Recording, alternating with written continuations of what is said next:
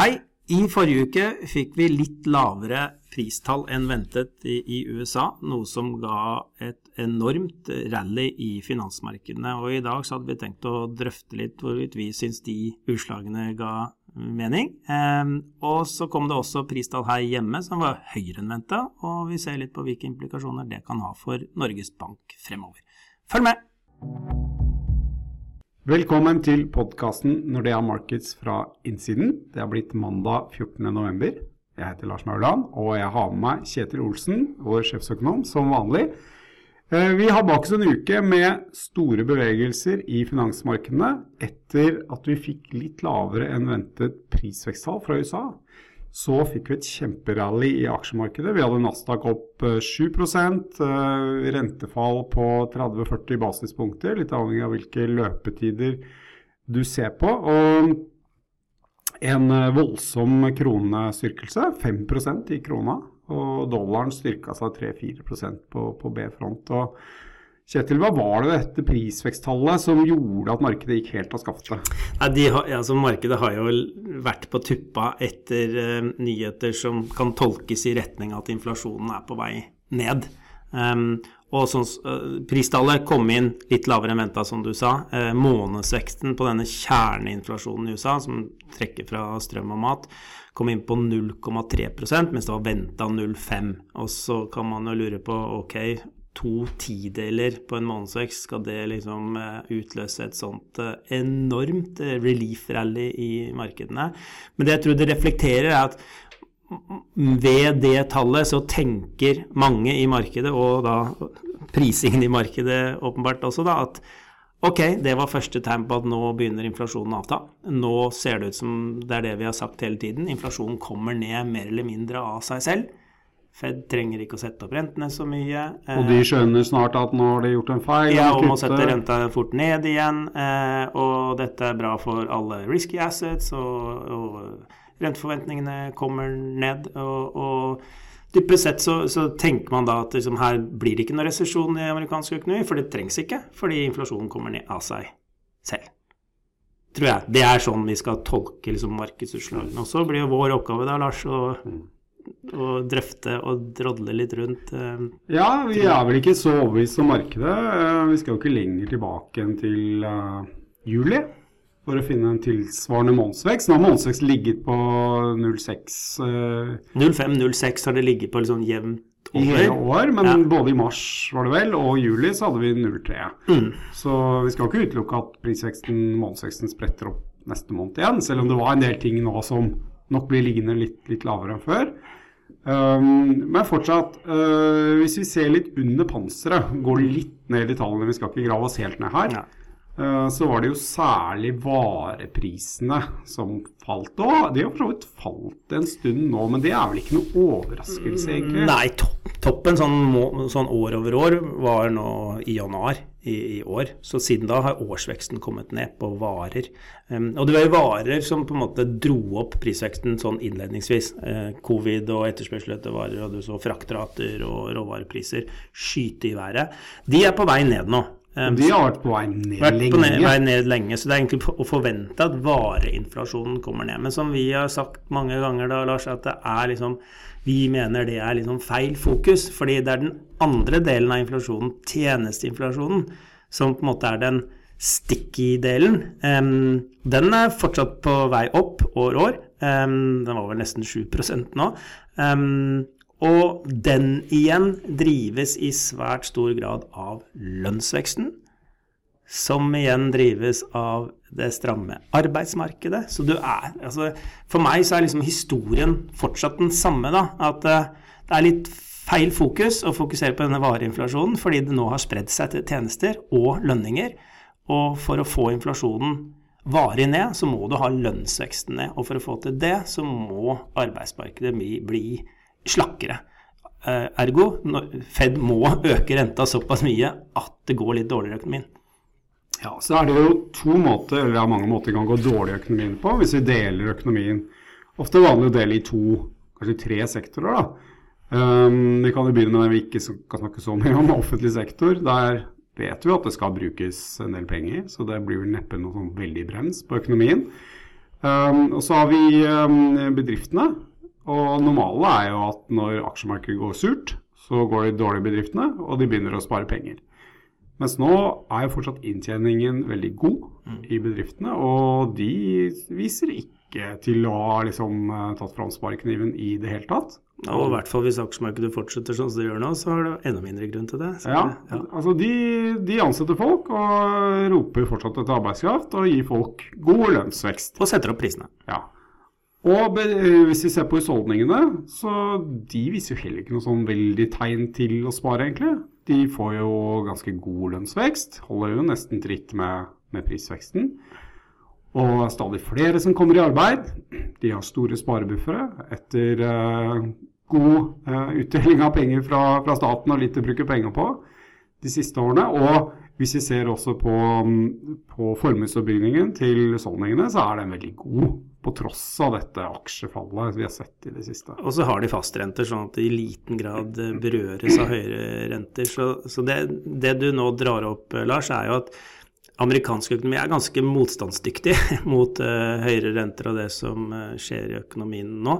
Um, og det er vel det som har fått oss til å lenge si at her må det mest sannsynlig mer til. da, Mer innstramminger strammere finansielle forhold. Enda strammere enn det vi har hatt, for å virkelig gjøre et inntrykk på økonomien. Og da blir jo den type utslag vi fikk nå på torsdag, fredag, slutten av neste uke, liksom feil vei, da. For da, da ble jo disse finansielle forholdene en god del løsere og målt med den Goldman Sachs-indeksen som vi ofte bruker for å evaluere de samla finansielle forholdene, så er de nå nede på sånn historisk nøytrale nivåer. Ja. Um, og det blir spennende å se hva sånne Fed-kommentatorer, eh, Fed-medlemmer melder fremover nå. Vi har vel hatt et par ute allerede. Mary Daly og, og Harker har vært de var ganske tydelige på at her her er det mye arbeid igjen, og som vi snakket om i forrige podkast, det ligger jo an til uh, litt uh, roligere uh, rentesetting, eller roligere rentehevinger fremover. Og det blir nok enda lettere nå med dette tallet. Hadde vi fått nok et veldig høyt prisveksttall, så bør vi kanskje forvente å se nok en veldig stor renteheving fra Fed på 75 punkter. Nå ligger det an til 50 punkters heving i, i desember, men fortsatt at det er langt igjen til Fed er ferdig, og i hvert fall lenge til de snak, er noe snakk om noen rentekutt. Mm. Og, det, og det er der vi skiller oss litt, eh, Lars. Størst av alt, da, det er jo at vi, sånn, rentetoppen kan godt bli rundt 5% og ikke så langt unna det markedet fortsatt priser rentetoppen til. Men så er det jo at markedet får det for seg at de skal fort ned igjen. Um, og der er vel både vi og i hvert fall det Fed sier, litt uenige, da. Ja. Og Mary Daly hun sa vel første som har liksom prøvd å sette noe tidspunkt på det. Da var det liksom sånn i beste fall et år før eh, fra man er ferdig med å heve, til man kan begynne å, å, å tenke på å kutte rentene litt igjen. Mens markedet er jo liksom noen få måneder, og så er det rett ned. Så som sagt, ja, som du sier Kjetil, der, der er vi veldig uenige med markedet. Vi tror rentene må holdes eh, høye minst et år før det blir snakk om noe kutt her. Og implikasjoner for markedet og lange renter og sånn, Lars, hva skulle det bety da? Jo, altså, nå priser man inn en rask, eh, eh, rask snuoperasjon, og faktisk er, hvis du ser på forward-rentene, så er markedet eller rentekurven nå like markert som den var liksom, da vi sto på kanten av stupet på finanskrisen, i, um, i dotcom-krisen og i 1989. Savings and loans crisis. Ja. ja. Så det må være ganske mørkt, egentlig. Eh, så sett i det perspektivet, da, i, litt ut i neste år. Eller så må det være så åpenbart at her eh, faller inflasjonen av seg selv ned til 2 og, og det kommer en serie med kjappe, eh, store rentekutt fra, fra Fed.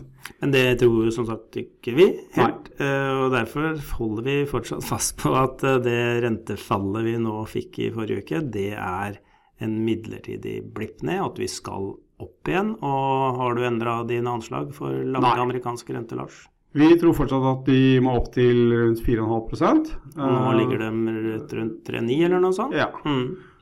Og um, vi tror jo at uh, fortsatt en haukete Fed, uh, sterke data fra um, arbeidsmarkedet i USA, vil gjøre at den oppfatningen etter hvert siger inn i, Mm. blant uh, markedsaktørene også. Dette smitter også litt på, hjem, på, på, renter her hjemme. Vi har sett lange renter her i Norge falle veldig mye, fra ned et halvt prosentpoeng fra, fra, toppen. Men um, vi fikk jo pristall også her fra Norge forrige uke, og de var jo, til motsetning fra USA, de var jo mye høyere, da. De var mye høyere. Um, kjerneinflasjonen, Norges Bank trodde den skulle komme inn på fem blank. Den kom inn på 5,9. Uh, og all in-inflasjonen landa på 7,5. Og Norges Bank hadde vel anslått på seks, tror jeg. Sånn at um, det er ingen tegn i Norge i hvert fall til at uh, kall det inflasjonspress og liksom uh, det å drive og sette opp priser for å møte økte kostnader er i ferd med å ebbe ut i det hele tatt. Så, så, er det nok en kraftig uh, overraskelse på oppsiden for, for, Norges Bank, som jo reiser spørsmålet blant mange om det betyr at Norges Bank igjen må ty til liksom en 50 punkters heving i desember, eller holde seg til de varslede 25? Jeg vet ikke hva du tenker der, Lars? Jeg tror vel at uh, Norges Bank la om kursen egentlig ganske tydelig i september, uh, og var litt mer bekymret for en avmatning i norsk økonomi enn høy prisvekst. Og vi tror jo ikke at de har snudd helt på flisa igjen nå. Da blir vi i hvert fall overrasket hvis de gjør det. Uh, de får ikke noen nye tydelige signaler om um, avmatning i norsk økonomi før denne regionalt nettverksrapporten, som kommer nå på, i, um, rett før neste rentemøte i desember.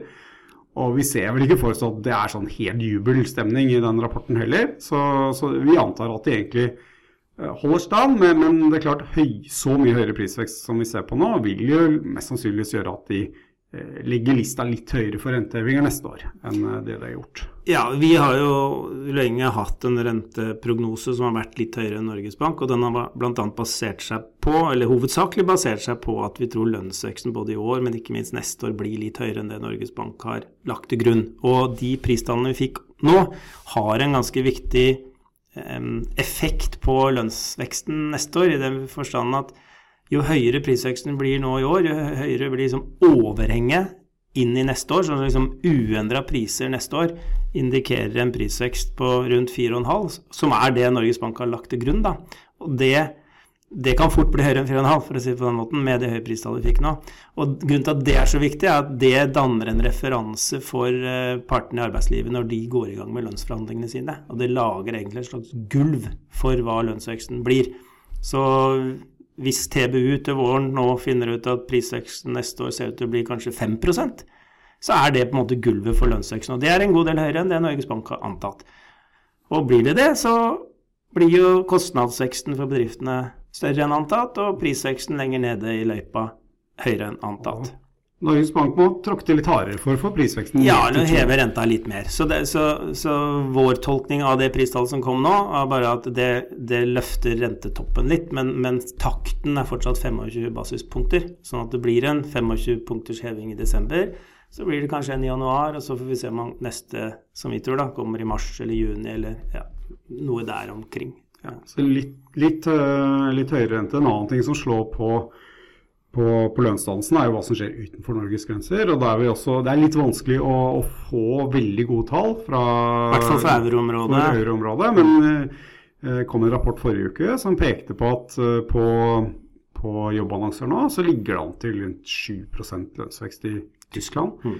Som er ganske mye høyere enn det vi har vært vant til i det siste. Så man kan ikke bare peke på utlandet og si at der står lønningene stille, så da må vi være, eh, moderere oss veldig her hjemme. Det blir mye vanskeligere, og, og det ligger an til et ganske tøft lønnsoppgjør neste år. Det har vi varsla lenge. Så, det er, eh, så våre prognoser syns jeg ser enda mer eh, holdbare ut nå, eh, etter det pristallet som vi fikk i forrige uke, faktisk.